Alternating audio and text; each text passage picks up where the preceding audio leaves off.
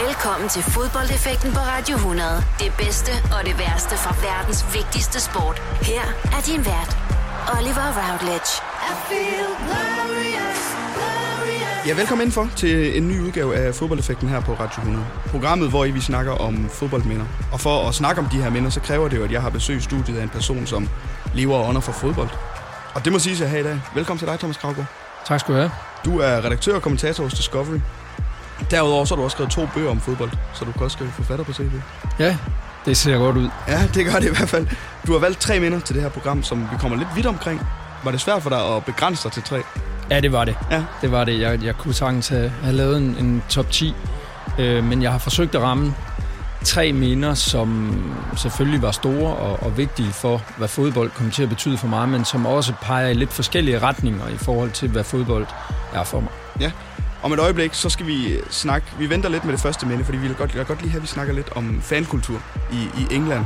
Fordi det skal vi et, fordi jeg, altså jeg fuldstændig knus elsker den. Jeg har en, en engelsk side af familien, som jeg er vokset op med. Og Wayne Routledge. Wayne Routledge, ja.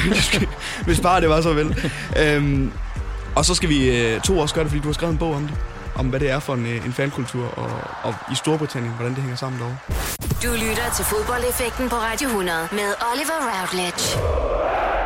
Du lytter til fodboldeffekten på Radio 100 i dag sammen med Thomas Gravgaard. Thomas, du er en travl mand jo. Du, øh, udover at være redaktør og kommentator, så finder du også tid til lige at skrive øh, en bog i ny og Ja, det må øh, indikere, at jeg kan nok at lave på mit arbejde. den seneste, du skrev, den hedder Hjem til fodbold. Den handler om fankulturen i Storbritannien. En kultur, som du synes er helt unik. Hvorfor, hvorfor gør du det? Øhm, den har i hvert fald haft en unik betydning for mig, øhm, og den, øh, den har nogle ting, som jeg ikke har kunne finde i andre lande. Øh, jeg kan godt lide den øh, meget, meget øh, den meget, meget øh, voldsomme sammensmeltning af lokal identitet og tilhørsforhold. Og det er jo lidt hyggelig, når det kommer fra en, der rejser rundt og låner øh, fanidentiteter i, i snart set alle lande, jeg kan komme i nærheden af. Men øh, jeg er netop tiltrukket af det der med, at, at øh, er man fra en bestemt by eller et bestemt område, så er man meget øh, til den klub, der nu måtte spille der. Ja. Øh, jeg er også fascineret af, af den viden, der er akkumuleret hos engelske fodboldfans. Øh, det, det er en, en fankultur, der modsat den sydeuropæiske ultraskultur, øh, er meget på spillere og hold og klub, og øh, hvor, hvor øh, den, den latinske, det er i hvert fald den organiserede latinske tilhængerkultur, handler meget om det at være fan og tribunelivet, så den engelske er meget tæt på klubben. Og øh, så, så man er tæt på by, man er tæt på klub, og så hader alle hinanden, og det synes jeg er skide sjovt, fordi at hadet øh, blandt engelske fodboldfans, i modsætning til Sydeuropa, tit kommer ud i form af det, vi kalder banter, som er øh, en, en, en øh, det er ikke en kærlig, men det er en sjov måde at øh, tage pis på hinanden på. Og den er også unik for, for britisk fodbold. Er der forskel på øh, kulturen, alt afhængig af, hvor i landet man er? Altså i forhold til øh, en, en nordøstklub som, som Newcastle, i forhold til helt sydlig nede ved Brighton i England for eksempel? Der er, nogle, der, der er nogle, nogle forskelle i sociale lag, som selvfølgelig også slår igennem i, i forhold til øhm, Øh, altså øh, gennemsnitlig indkomst, øh, hvor stor en del af din personlige økonomi skal du bruge på at følge en fodboldklub, og dermed også, hvor, hvor voldsomt øh, meget kræver du af at få i retur. Men på de helt store linjer, der synes jeg, at uh, ikke der er forskel på Bournemouth og Newcastle uh, i forhold til de vigtige parametre, nemlig den her lokale forankring, uh, og, uh, og, og det at være meget uh, ja, stolt af, hvor man er fra, og stolt af dem, man holder med. Ja, og så synes jeg noget, også noget for det, som, som jeg synes, der gør det exceptionelt, er den øh, udebanekultur, man også har i, i England. Altså, der er langt fra, fra det nordlige England til, til det sydlige England som sådan, men og i forhold til det spanske, hvor du ser, at udebaneafsnitsene er så små mange steder, at de ikke rigtig får allokeret nogle steder, så kan du se, at specielt til kopkampsen i England, der bliver allokeret nogle gange 8.500 til de små klubber på, på store ja. stadions, ikke? Og jeg kan bare huske, en af de første minder, jeg har, øh, da jeg var ni år gammel, blev jeg... Øh, jeg har som sagt en familie i England, hvor min far tog mig med på, på Ellen Road. Jeg er Middlesbrough-fan, så vi kørte til Leeds og så Middlesbrough spille på Ellen Road. Øh, vinde 3-0. Paul Robinson blev udvist. Bolo Senden scorer, Geiska Mendieta scorer, og Michael Ricketts scorer på, på straffespark. Men det er det der med, og som du også nævnte før, den banser, der er. Ja, så jeg vil så sige, at Middlesbrough øh, har vel næppe ret med mange større rivaler end Leeds. Jeg har en øh, bekendt øh, Middlesbrough-fan, der, der sendte en tegning til mig øh, øh, over de sociale medier, hvor, øh, hvor, hvor, hvor han sådan havde rangordnet, hvor meget de havde de forskellige klubber. Der var Leeds altså et, og Newcastle var så kun marginalt øh, ja. mere øh, bedre stillet der, og så Sunderland, tror jeg, det var. Så du har også ramt en god jeg kamp ramt en der. rigtig god kamp, Ja. og så som 9-årig knægt at stå der. Og det var jo som med, det, med den her sjove måde at tage, tage pis på modstanderen på, at det var på det her tidspunkt, hvor Leeds øh, er de måske stadigvæk lidt i økonomiske problemer, men alle Middlesbrough-fans stod med de her 10 og bare holdt dem op og spurgte dem, do you want this? Altså sådan ned til alle Leeds-fansene, ikke? Og det er en kærlig måde, men det er jo ikke kærligt, men det er, det, det, det er den banser, der bare er imellem dem, som jeg synes er, er helt fantastisk. Også sidste år, da jeg var på fodboldrejse øhm, i London, øhm, hvor vi så skulle om lørdagen op til Huddersfield og se Huddersfield spille mod Manchester United, men bare det der med at stå på, på King's Cross i London en lørdag morgen og se, altså der er jo 40 forskellige fodboldtrøjer fra forskellige hold. Man støtter bare sit hold på udbanen også derovre, i mere grad end hvad man ser andre steder, synes jeg. Ja, der er den, øh, det her med at, at rejse rundt, som jo stammer fra øh, de her meget billige togbilletter, der blev indført af National Rail i, i 60'erne, som simpelthen bare er hængt ved. Det er ikke særlig billigt at, at tage på udbanetur mere. Man må ikke engang drikke i busserne. Så, så det er heller ikke rigtig et, et, et seriøst alternativ. Øhm, men men øh, de kommer vidt omkring derovre i en infrastruktur, der ikke altid lykkes. Altså, det, det er ikke altid, du kan komme med tog fra Newcastle nogle steder hen efter kl. 21 lørdag aften, og så kommer der også en overnatning oveni. Øh, og, og, og vejene ved jeg, de er en del bedre i Spanien. Der er blevet kanaliseret en del EU-midler ud med store øh, øde motorveje. Så det, man kan godt undre sig over, at, at, øh, at, at udebanekulturen har så godt fat i England sammenlignet med Spanien, hvor det er helt horribelt. Men det er igen noget med en tradition. Man har ikke haft det her push i Spanien, som, som englænderne fik i 60'erne, hvor, hvor, øh, hvor specielt mænd tog afsted. Og det er jo de mænd, der så har opdraget deres sønner og døtre til at, at tage afsted nu om dagen. Er den troet, den her faldkultur i England, i forhold til turisme? Øh, nej, jeg synes, det har set værre ud, Okay. end, end det er nu. Altså, øh, det er mit indtryk også gennem øh, mit arbejde med Premier League-organisationen, at man værdsætter øh, sine stadiongængere mere nu, end man måske gjorde for 15 år siden, hvor man stadig var ved at arbejde sig ud af det her øh, hooligan-stigma, som, som Premier League vil af med, og, øh, og politikerne vil af med. Det er som om, at nu er det kommet så langt på afstand, øh, at man er begyndt at indse, også allerøverst op, at det, at mænd står og råber og skriger og vifter med tipunsedler, eller hvad det måtte være, det er ikke farligt. Det, det er slet ikke det, det handler om. Altså, banderen er til gode set. Og det, som jeg er spændt på at se nu, det er, at jeg har hørt rygter om, at Premier League jo netop for at øh, støtte op om udebanetilhængerne, op til denne her sæson har krævet, at alle klubberne placerer udebanetilhængerne i et øh, tribuneafsnit, der er ned til banen, i stedet for at pakke dem Ja. væk i et hjørne. Øh, det, det læste jeg på et tidspunkt sidste år skulle være undervejs, og det, det bliver i så fald, synes jeg, et, et rigtig fedt initiativ, der kan give endnu mere dynamit rent stemningsmæssigt. Og så håber jeg bare, at, at det stadig bliver holdt, den kultur, fordi som, da jeg var besøgt Huddersfield sidste år, øh, kunne vi ikke få billetter som sådan. Vi ringede til, til deres øh, billetkontor, hvor de sagde, den eneste måde, du kan få billetter til vores Premier League-kamp på, er, hvis du så en kamp sidste år, da vi også spillede i Championship. Øhm, Men som... det er jo også en måde at beskytte Ja. ja. øh, de lokale stadiongængere på. Ja. Netop så det ikke er sådan nogen som dig og mig, der, der, der holder de lokale ude. Lige præcis. Så øhm, lad os håbe, at den her fodboldkultur i England, den stadig, øh, den stadig var ved. Og det Ellers så, også. øh, så er der i hvert fald de lavere rækker, hvor, hvor, hvor det er nemt at få billetter. Ja, der kan man stadig komme ind og se. Og nu spiller jo Middlesbrough i Championship, så det kan man også godt lige op ind og se. Din bog, Hjem til fodbold, kan stadig købes derude. øh, Så hvis man er interesseret i det, så gå ind og find den et sted. Du lytter til fodboldeffekten på Radio 100 med Oliver Routledge. Og Thomas, vi skal til dit første minde. Det er et lidt ældre en af slagsen. AGF imod Vejle den 21. oktober 1984. Ja, Jeg kunne ikke huske, det var den 21. oktober, men, men jeg, jeg kan huske, det var efterår. Ja, Jeg kan huske, det var, det var skumring, det var, det var mørkt. Øh, måske ikke fra start, men det blev mørkt. Og jeg kan huske, øh, det er fordi, det var min første kamp på et stadion. ja. Øh, et af mine tydeligste minder fra dagen, det, øh, det var, at min gode ven i folkeskolen, Michael, øh, han var også derinde med sin far. Michael, han var øh, normalt øh, en anderledes type, end jeg var. Det var... Øh, det var Michael, der sådan var, var den stærke dreng i klassen, og øh, som pigerne synes var spændende, og øh, som passede på mig. Men jeg kan huske hans ansigt, da vi mødte hinanden i køen ude ved stadion. Der var det altså mig, der var ovenpå. Ja.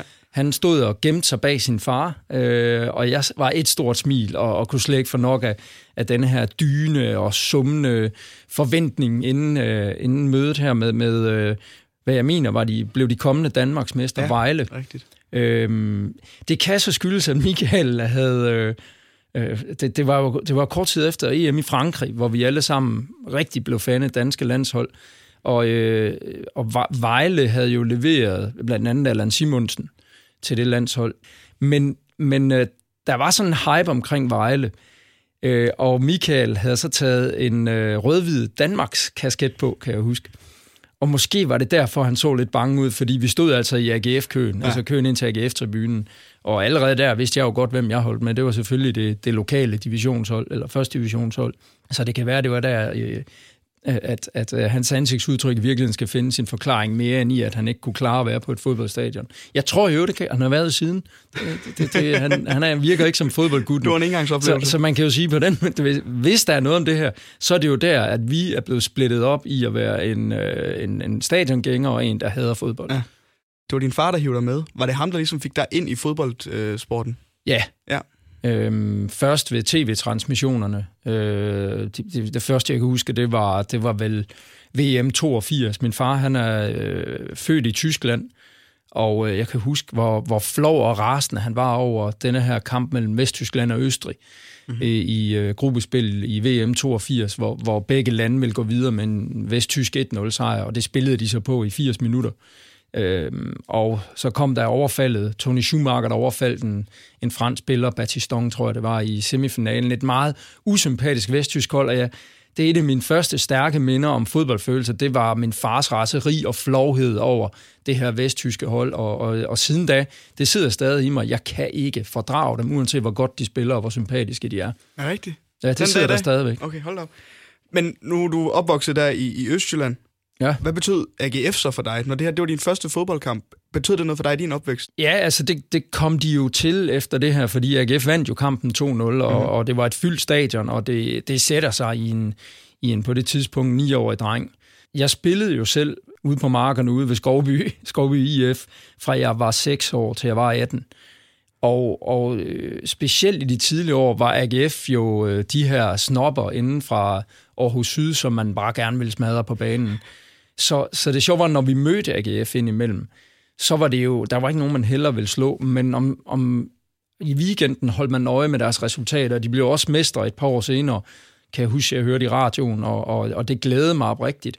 Øh, der var en pokalfinale mod Brøndby i 87, som jeg også husker tydeligt. Og så kom vi jo stille og roligt ind i en tidsalder, hvor det ikke længere var min far, der behøvede tage mig med på stadion, men, men hvor jeg selv kunne tage dig ind med venner. Men øh, jeg nåede at være på stadion en 3-4 gange med min far inden da, og, øh, og det har jo startet en, en meget frustrerende kærlighedsaffære mellem mig og AGF, der var ved. ja. Og det her, det var jo, som vi også kom kort ind på, øh, Vejle vinder mesterskabet den her sæson, AGF bliver to Men husker du den mest, fordi det var den første fodboldkamp, eller husker du det også, at det var et topopgør? Øhm, jeg husker det, øh, jeg husker egentlig ikke så meget fra kampen, men, men jeg husker tydeligt det der med, at jeg fra første gang øh, fik en fornemmelse af, at hvor jeg i, øh, i dagligdagen i skolen kunne føle mig utilstrækkelig og, øh, og, og trynet, at når jeg var på et stadion, så følte jeg mig som en helt anden. Altså, jeg følte, jeg kunne meget mere, og at øh, jeg, havde, jeg havde meget mere at komme med. Øh, og det var jo så sat på spidsen, da, da jeg fik øje på på ham, øh, min, min ven der i køen, der stod og var så bange for at være på stadion. Det er en smuk historie, at det er der, man føler sig hjemme på en eller anden måde. Ja, sådan blev det jo ved med at være, ja. og tydeligere og tydeligere, og øh, jeg kan jo stadig meget bedre selv, øh, altså lige mig selv den dag i dag, når jeg ser en fodboldkamp, end når jeg sidder og tænker over, hvad fanden jeg egentlig er. Øh, om det så er på en pop eller på et stadion, det er med årene blevet lidt øh, mere lige meget. De to ting minder jo også mere og mere om mm-hmm. hinanden. Men, øh, men det var i hvert fald første gang, hvor jeg følte, at der var noget at komme efter for mig i, i det at være stadiongænger. Er det, altså, er det fordi, du føler, det er 90 minutter, hvor du bare kun skal se på, hvad der foregår nede på banen, og ikke rigtig skal tænke over andet? Jeg tror, der i hvert fald specielt tidligere var den her meget voldsomme maskuline energi, mm. øh, som udmyndte sig i, i tilråb og slagsange, og også sidenhen øh, i, i, i virkelig flotte koreografier og, og en meget mere organiseret øh, tribunekultur i Danmark. Og, og den, det er den måde at føle sig som mand på, øh, at være i et fællesskab på, øh, var der ikke andre steder, jeg kunne finde. Heller ikke, øh, når jeg spillede fodbold selv, øh, hvor, hvor jeg tit kom til kort. Men, men det var som om, at hvad angår den dag i dag, altså, er det jo også stadig sådan, at, at mine venner kommer til mig, når de skal have gode råd omkring at begå sig på et stadion. Og, øh, og som årene gik, og jeg øh, altså, begyndte at føle mig mere og mere hjemme i det, øh, rendte jeg jo også ind i en, en, hvad kan man sige, en mere voldsom form for maskulin energi omkring ja. fodboldkampen, nemlig huliganscenen, som jeg af en eller anden grund heller aldrig rigtig blev skræmt lige så meget af, som jeg kunne blive skræmt over at gå forbi øh, store Jan i, øh, på, på gangene i min folkeskole. Ja, det er en, altså, det er en, en, en god, flot historie, synes jeg, om hvordan at du, det, det blev dit, dit hjem på en eller anden måde. Altså. Det var i hvert fald første gang, jeg følte, at det løftede mig. Ja, og så, hvis vi lige skal op tilbage til AGF og, og den her kamp, så var der, som du også siger, udsolgt. Ifølge AGF-statistikker, så var der 22.500 tilskuere til den her ja, kamp. Ja, dengang kunne man jo proppe flere ind, end ja, der egentlig var plads til. Og det var jo et ærkeopgør. Uh, en af AGF's største rivaler er de vel stadigvæk også? Vejle, Jamen, vi, vi havde den lige på redaktionen her, hvor, hvor vi diskuterede det. Uh, vi, vi er jo ved at arbejde på en... Uh, på at komme lidt tæt på AGF i vores Superliga-dækning, og, øh, og, og så talte vi om det her med, øh, Randers AGF, om det er en kunstig rivalisering, som, mm. som er enten ny eller medieskabt. Og, og der måtte jeg jo bare sige, jeg ved ikke, om den er, den er falsk, fordi det kunne være, den bare er ny og ved at opstå, men, men i, i min optik er vores største jyske rival, det er Vejle. Ja. Øh, og, og det er jo igen noget med tradition og historie. OB til dels, Øh, og så lidt nyere FC Midtjylland, fordi de, de kom ind og tog vores plads, føler vi jo i toppen af dansk fodbold. Silkeborg er der også, ikke? Og så først dernede vil jeg egentlig placere Randers. Ja. Men Vejle er, er, er helt i top, hvad angår jyske rivaler. Men tror du ikke også, det er på grund af traditionerne i det? Altså som vi også nævner, Vejle er en traditionsrig klub, Silkeborg har også vundet øh, mesterskaber. Så kommer Midtjylland en, en helt ny klub i det. OB har trods alt også vundet mesterskaber tilbage i tiderne. Altså et rivalopgør bunder vel også i traditionerne, og hvor lang tid det går tilbage? Ja, altså... Øh nu kan jeg ikke lige huske ligaen den sæson, men, men jeg kan huske, at AB var først, så vidt jeg husker, kom de først op. Øh, jeg begyndte først at lægge mærke til dem omkring 1990 ja, eller sådan ifølge, noget. Ifølge det, jeg har været at kigge på, der var de heller ikke i Superligaen, der, eller første division. Så det, så det kom lidt senere. Randers Freja var der jo givetvis dengang, ja. og, og, øh, og, og havde de ikke, hvad kan man sige, øh, ændret navn og i, i til dels identitet også, kunne det jo godt være, at, at der ville have været noget der, men jeg mener heller ikke, de var en fast bestanddel i de år øh, sidenhen, hvor, hvor AGF, øh, altså op gennem 90'erne, hvor AGF øh, jo også fik en, en noget større øh, fankultur og, og, og nye rivaler i ja. form af Brøndby. Men lad os sige, altså nu var det i, tilbage i 84 det her, og lad os sige, det er et estimat, der var 22.500, det er nok ikke helt præcist, men at man kan samle allerede den tid så mange folk på Aarhus Stadion, og de har jo stadigvæk en fankultur uden lige AGF, og en, men er de fanget i fortiden? Mm, nej, ja, vi er fanget i nutiden. og så den, den, hvad kan man sige, den nye fortid. Altså, øh, modgangen har jo stået på så længe efterhånden, at, at jeg, altså, når vi går rundt og siger, nu vinder vi mesterskabet efter et par sejre, eller nu skal vi i Champions League-finalen to, hvad hedder det, 2019, øh, eller 20 bliver det jo så, så, så er det jo med et smil på læben, øh, fordi det er jo, vi, vi har været dårlige så længe, at selvfølgelig mener vi det ikke.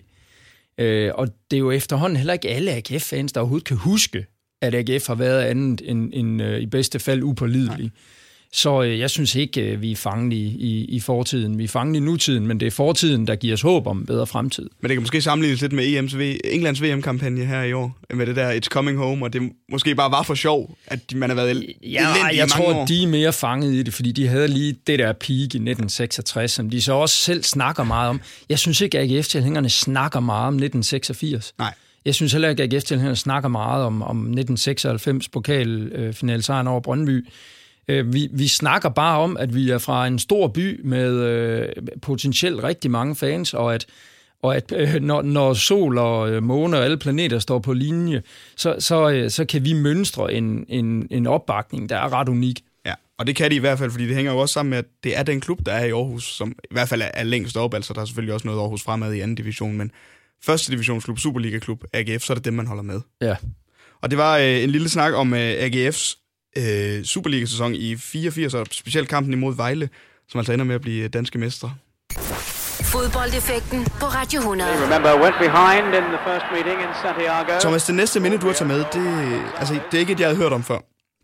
Det er Brasilien imod Chile i 1989. Og det er måske derfor, jeg ikke har hørt om det. Jeg var jeg overhovedet ikke tænkt på på det her tidspunkt. Brasilien vinder 1-0. En knald- eller faldkamp til VM i 90. Ja, de vinder faktisk uh, sidenhen 3-0, tror jeg. Ja. Fordi det er jo en kamp, der stikker helt af. Nu vil jeg jo elske at kunne sige, at jeg som 14-årig var på stadion. Maracanã, da det skete. Det var jeg ikke, men, men grunden til, at den kamp har en speciel betydning for mig, det er jo fordi i, i årene op til den kamp her, specielt efter VM i Mexico 86, øh, hvor, hvor så mange minder om gode minder om fodbold opstod, der havde jeg jo ticket og plaget mine forældre om, at vi skulle have en VHS-videomaskine, så jeg ligesom min nabo øh, kunne optage øh, fodboldkampe, fodboldmål ikke mindst. Øh, jeg er ikke sådan en, der gider sidde og se kampe igennem. Jeg vil gerne se mål.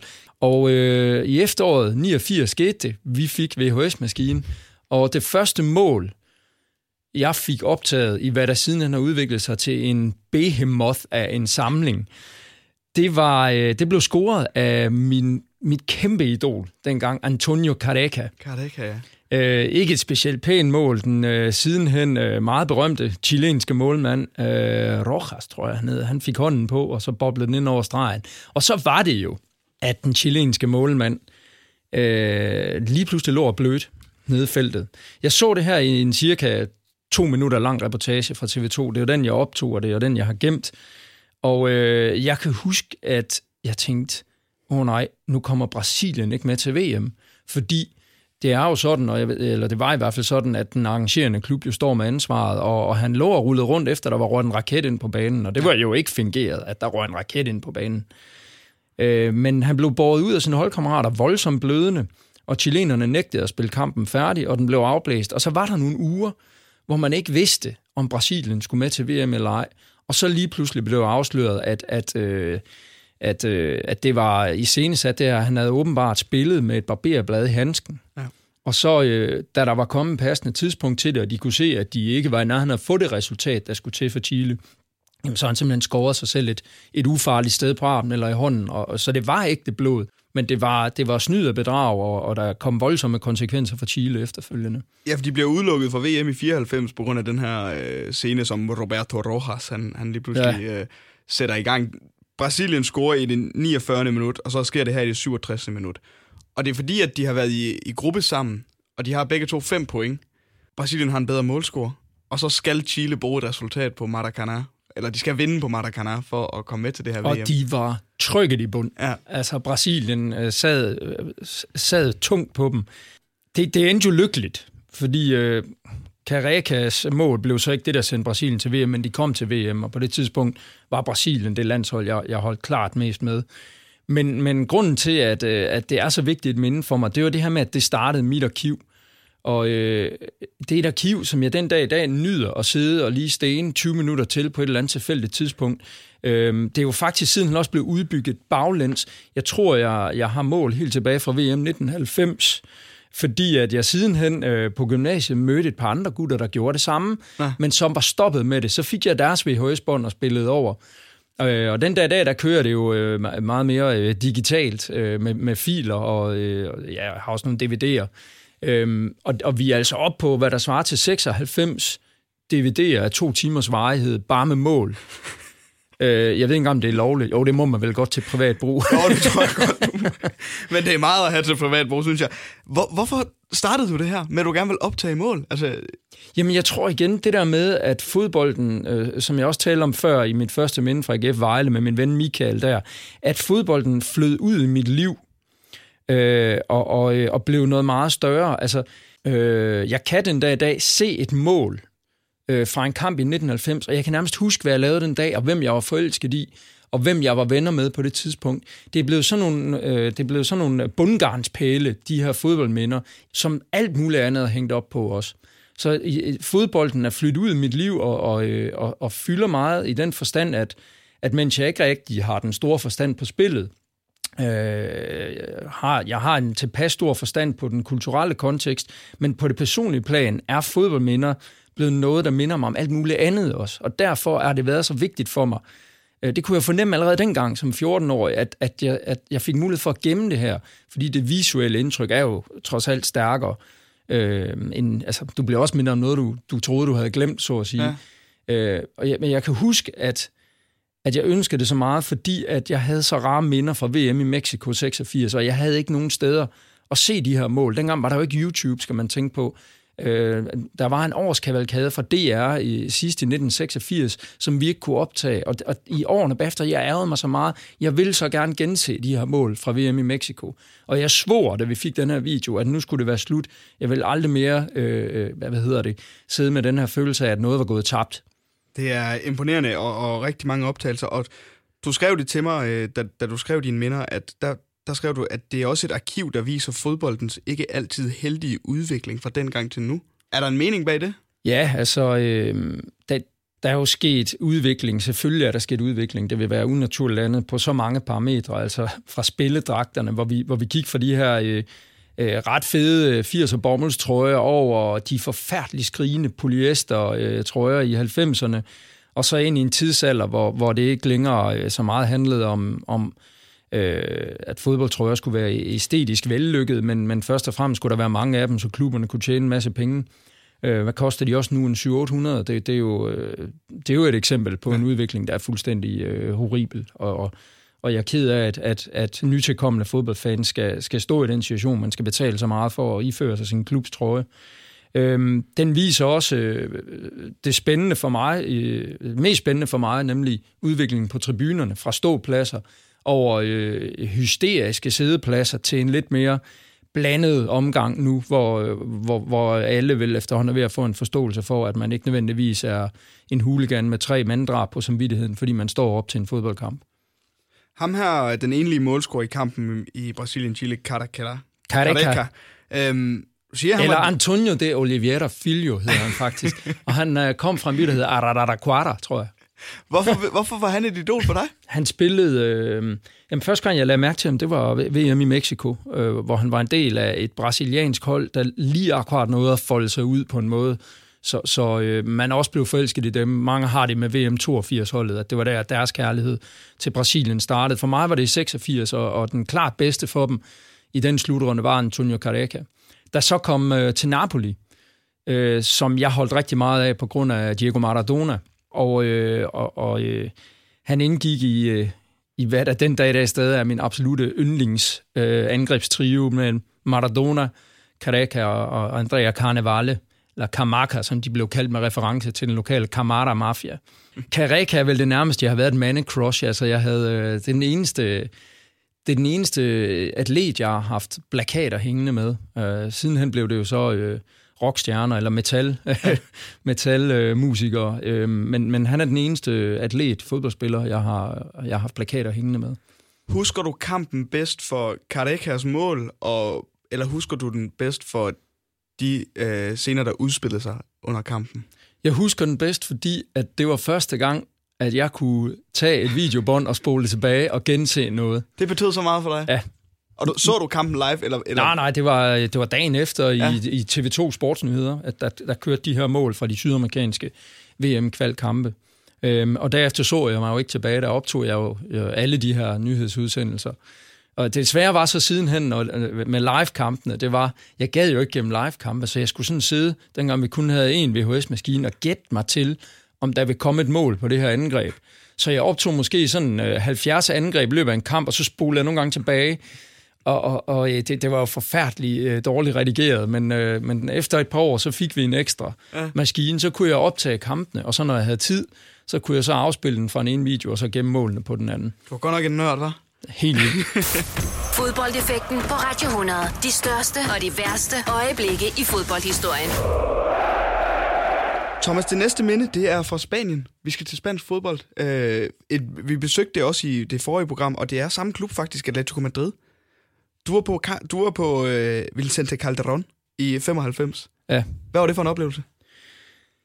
Øh, det er vel øh, til dato den største oplevelse, jeg har haft i forhold til at opleve sammensmeltning mellem en helt vanvittig stærk opbakning og en helt vanvittig fed performance af et hold. Øh, det var det kommende mesterhold. Det skal med, at Atletico Madrid-sæsonen inden øh, havde været et point fra at rykke ned. Så de var ikke mesterskabskandidat i 95-96 sæsonen. Men med blandt andet Diego Simeone på banen, og så en, en, øh, en sidenhen, øh, jeg forsvandt han igen, Pantic, Milinko Pantic, som havde en drøm af en sæson for Atletico. De to på midtbanen, og så med, med øh, Caminero øh, længere frem, øh, Luboslav Penev, øh, tung, doven bulgar. De kunne bare et eller andet, og den kamp, hvor de slog øh, mesterskabsfavoritterne for Barcelona 3-1 her, var en, de spanske vis kaldte det un baño bagefter. Det betyder, at et hold er blevet ydmyget. At det endte 3-1 og ikke 6-1 eller 6-0 for den sags skyld er, er et mirakel.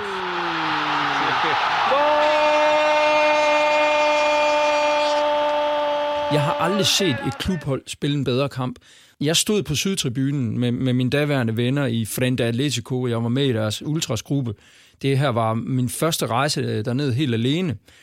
Og øh, jeg var nærmest kommet direkte fra, øh, fra busterminalen. Jeg var fløjet til Malaga fra Bilund, bus til Madrid, og nærmest tændte direkte ud på stadion. Og så stod der, det var vel der for den der Atletico og ultraskulturen som sådan i, i Sydeuropa peakede. Det var altså fuld smæk på hele vejen. Og øh, der er ingen tvivl om, at det også er en del af forklaringen på, at lige når den aften spillede Atletico Madrid vel deres bedste klubkamp i, i registreret tid. Og her tæller jeg også de senere års Champions League øh, nærvede triumfer. Ja, det er sjældent, jeg værdsætter fodboldspillet øh, lige så meget som jeg værdsætter den stemning, der er omkring det. Men, men her smeltede det bare sammen. Hold kæft, hvor var det en god fodboldkamp. Hvor var de gode Atletico Madrid, og hvor var vi gode på tribunerne. Og, øh, og det var øh, en kamp, der siden for mig kom til at stå som det fremmeste bevis på, hvad tilhængere og hold kan gøre for hinanden, når, øh, når opbakningen manifesterer sig i en indsats som den, vi så på banen, og hvordan det så igen smelter tilbage på tribunerne, der jo var i 90 minutters ekstase en helt vanvittig kamp, som heldige seere af TV2 kunne opleve øh, direkte på tv den aften også. Du siger, du er med i det Friends of Atletico. Frente. Frente. Atletico. Frente, Atletico-fronten. Atletico. Øh, hvordan blev du nogensinde... Hvordan kom det til dig, at det var dem, du skulle være en del af? Altså, hvorfor skulle du holde med Atletico Madrid? Jamen, som så meget andet med mig startede det ved tv-skærmen. Ja. Øhm, jeg, jeg, øh, jeg kunne godt lide Paulo Futre. Øhm, helt tilbage fra da, da Porto, jeg tror det var 87, de slog Bayern München i, i øh, Europa Cup-finalen for mesterhold. Og han kom jo til Atletico og, og var sådan en lille, spændende dribler, der havde lidt af det, Maradona også havde i Napoli.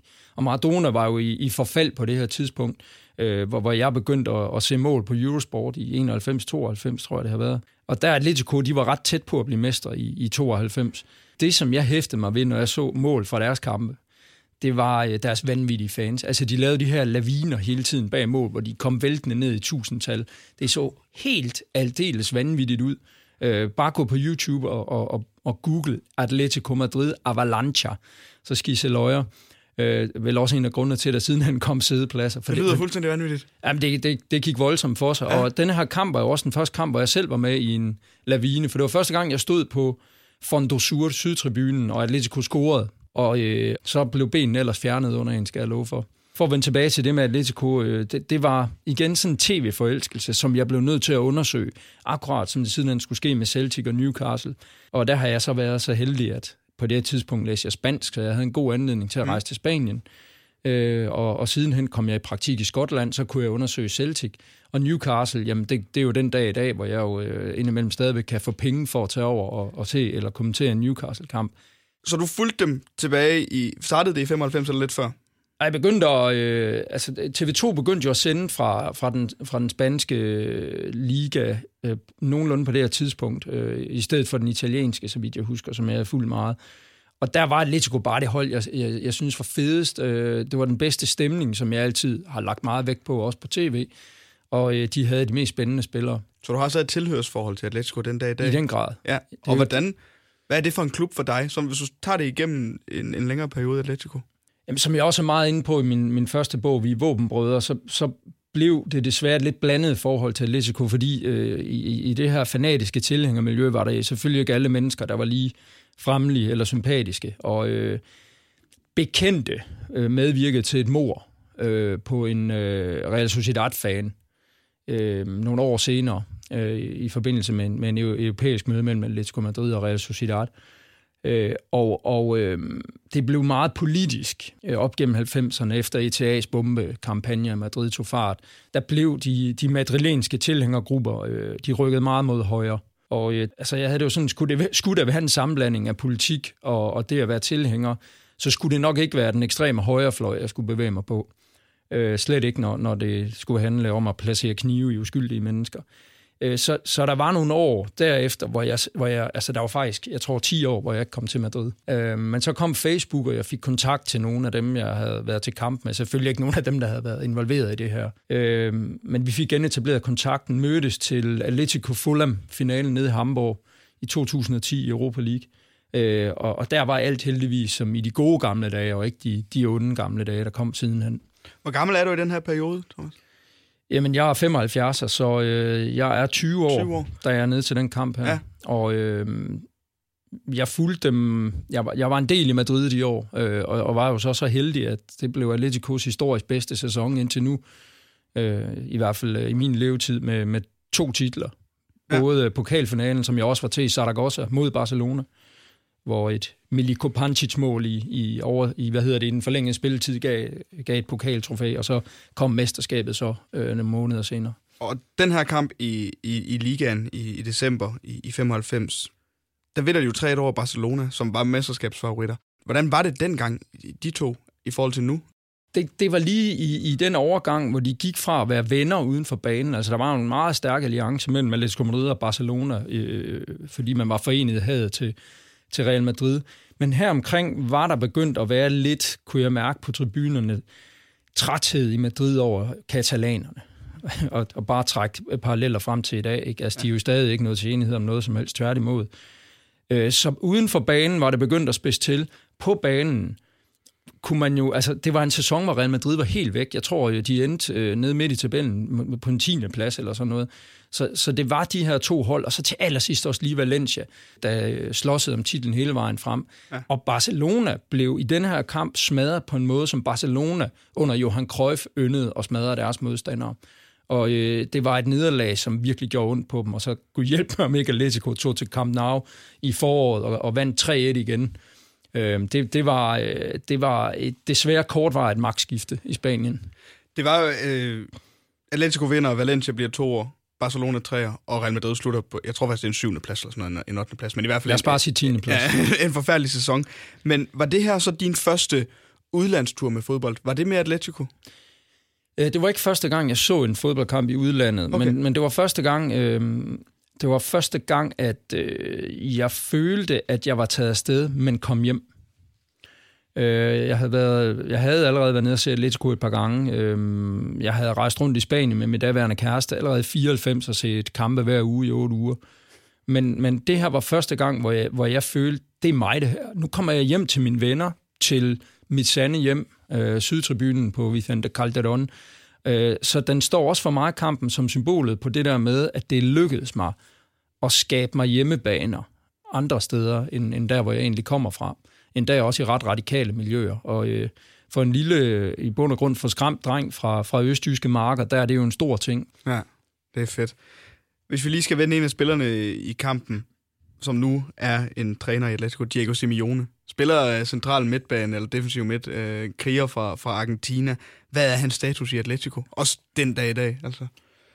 Jamen, det, det, er, det er svært at sætte ord på, fordi det var jo sådan, at da han øh, nogle år senere øh, blev presset af klubledelsen ud af klubben, øh, i en i øvrigt dårlig sæson for dem, var det 97, 98 eller 96, 97, det kan jeg ikke huske, men, men jeg kan huske, at der øh, de, de forsvindende rester af Frente Atletico, de, de hængte hyldesbander op på, øh, på tribunen, hvor, man, hvor de faktisk skrev, at, at, at de elskede ham mere end klubben. Øh, og det var jo altså inden, at han kom tilbage og, og, og løftede dem op i den absolute europæiske elite. Så, så læg det til, så, øh, så tror jeg, at det siger sig selv, hvilken status han har. Ja, han må være urørlig der i øjeblikket. Vicente Calderón, som var det stadion, den her kamp blev spillet på. De sluttede der i 2017 og har fået et nyt stadion, Wanda Metropolitano, mener jeg, det hedder. Well, well done, Ja, Routledge. Thank you. Hvad, øh, hvad var det for et stadion? Fordi i forrige afsnit havde vi også der havde besøg Jonas Hebo, som også nævnte øh, Vicente Calderón som værende et eminent stadion at se fodbold på. Øh, det var, øh, altså nu ved jeg godt, at, at, at 20 år senere, øh, i forhold til den her kamp, der var det jo begyndt at smuldre og, og noget, noget gammelt lort, som, som en kommentatorkollega også har sagt. Øh, men, men det var øh, stemningskatedralen i, i Spanien, øh, og øh, det var jo bygget på sådan en meget speciel måde, hvor det var presset ind øh, langs øh, Manzanares-floden, bygget hen over en motorvej, øh, og så med to åbne hjørner. Øh, og så øh, havde man den her sydtribune, hvor der af en eller anden grund var en port inde i midten af det hele, La Puta Portal, som, altså, det var så irriterende, ikke? fordi det var også svært, altså lavinerne var jo, var jo vilde nok i forvejen, men, men når, man så, når der lige pludselig var sådan en hul midt i det hele også, det, det var øh, et, et arkitektonisk miskmask, men, men det, det var bare et hjem, der passede til sådan en lidt øh, beskidt klub. Ja. Det lyder helt exceptionelt, og, og, og man må sige, den her lavine lyder ekstremt farlig, så der, altså den der engelske påpasselige, efter der jo var en, en skrækkelig ulykke i 92, må, kan, må ikke have været noget til Spanien på det her tidspunkt. I forhold til øh, fansene. Jamen det sjove er jo, at lavinen startede jo faktisk i England på, på de her store cops, som man jo kaldte endetribunerne. Okay. Øhm, og, og startede egentlig ikke som noget orkestreret, men, men som en spontan bevægelse, øh, øh hvis øh, ens hold, typisk Liverpool, havde nogle ret vilde laviner øh, i, i starten af 70'erne, slut 60'erne, hvor, hvor spillerne jo var tæt på, og så bevægede alle sig fremad og ned til byen for at komme tæt på dem, øh, røre ved dem eller råbe til dem. Øh, men, men de her ultrasgrupper satte dem jo i, i system, og, øh, og, og man fik jo nærmest ordre på at løbe, og jeg kan også godt love dig for, øh, jeg har set en pige prøve at blive stående på sydtribunen, da der kom en lavine, og øh, hun blev altså borget ud bagefter med øh, blødende fra ansigtet. Ja. Øhm, så, så det var bare om at løbe med. Det var bare med, ja. ja. Alt eller intet. Det lyder som at være en helt fantastisk oplevelse, det her. Og en, en klub, som betyder meget for dig stadigvæk, Atletico Madrid. Ja. Og med det, så var det faktisk det, vi havde i posen for den uges udgave af fodboldeffekten. Vi kom rundt om uh, engelsk fankultur. Vi kom rundt om spansk fodbold. En uh, skandalekamp på Maracanã. Men husket for et idol for dig, Thomas Gravgaard. AGF i 80'erne. Tusind tak, fordi du har lyst til at være med. Jo, tak. Det var nogle skønne minder, du har taget med, og jeg synes, vi kom, øh, kom godt rundt omkring det hele. Jamen, og... jeg er også helt opløftet. Ja, det er jeg rigtig glad for. Nu skal jeg hjem og se nogle af de mange Nu skal du hjem og se nogle af alle dine DVD'er. God tur med det. Jo, tak.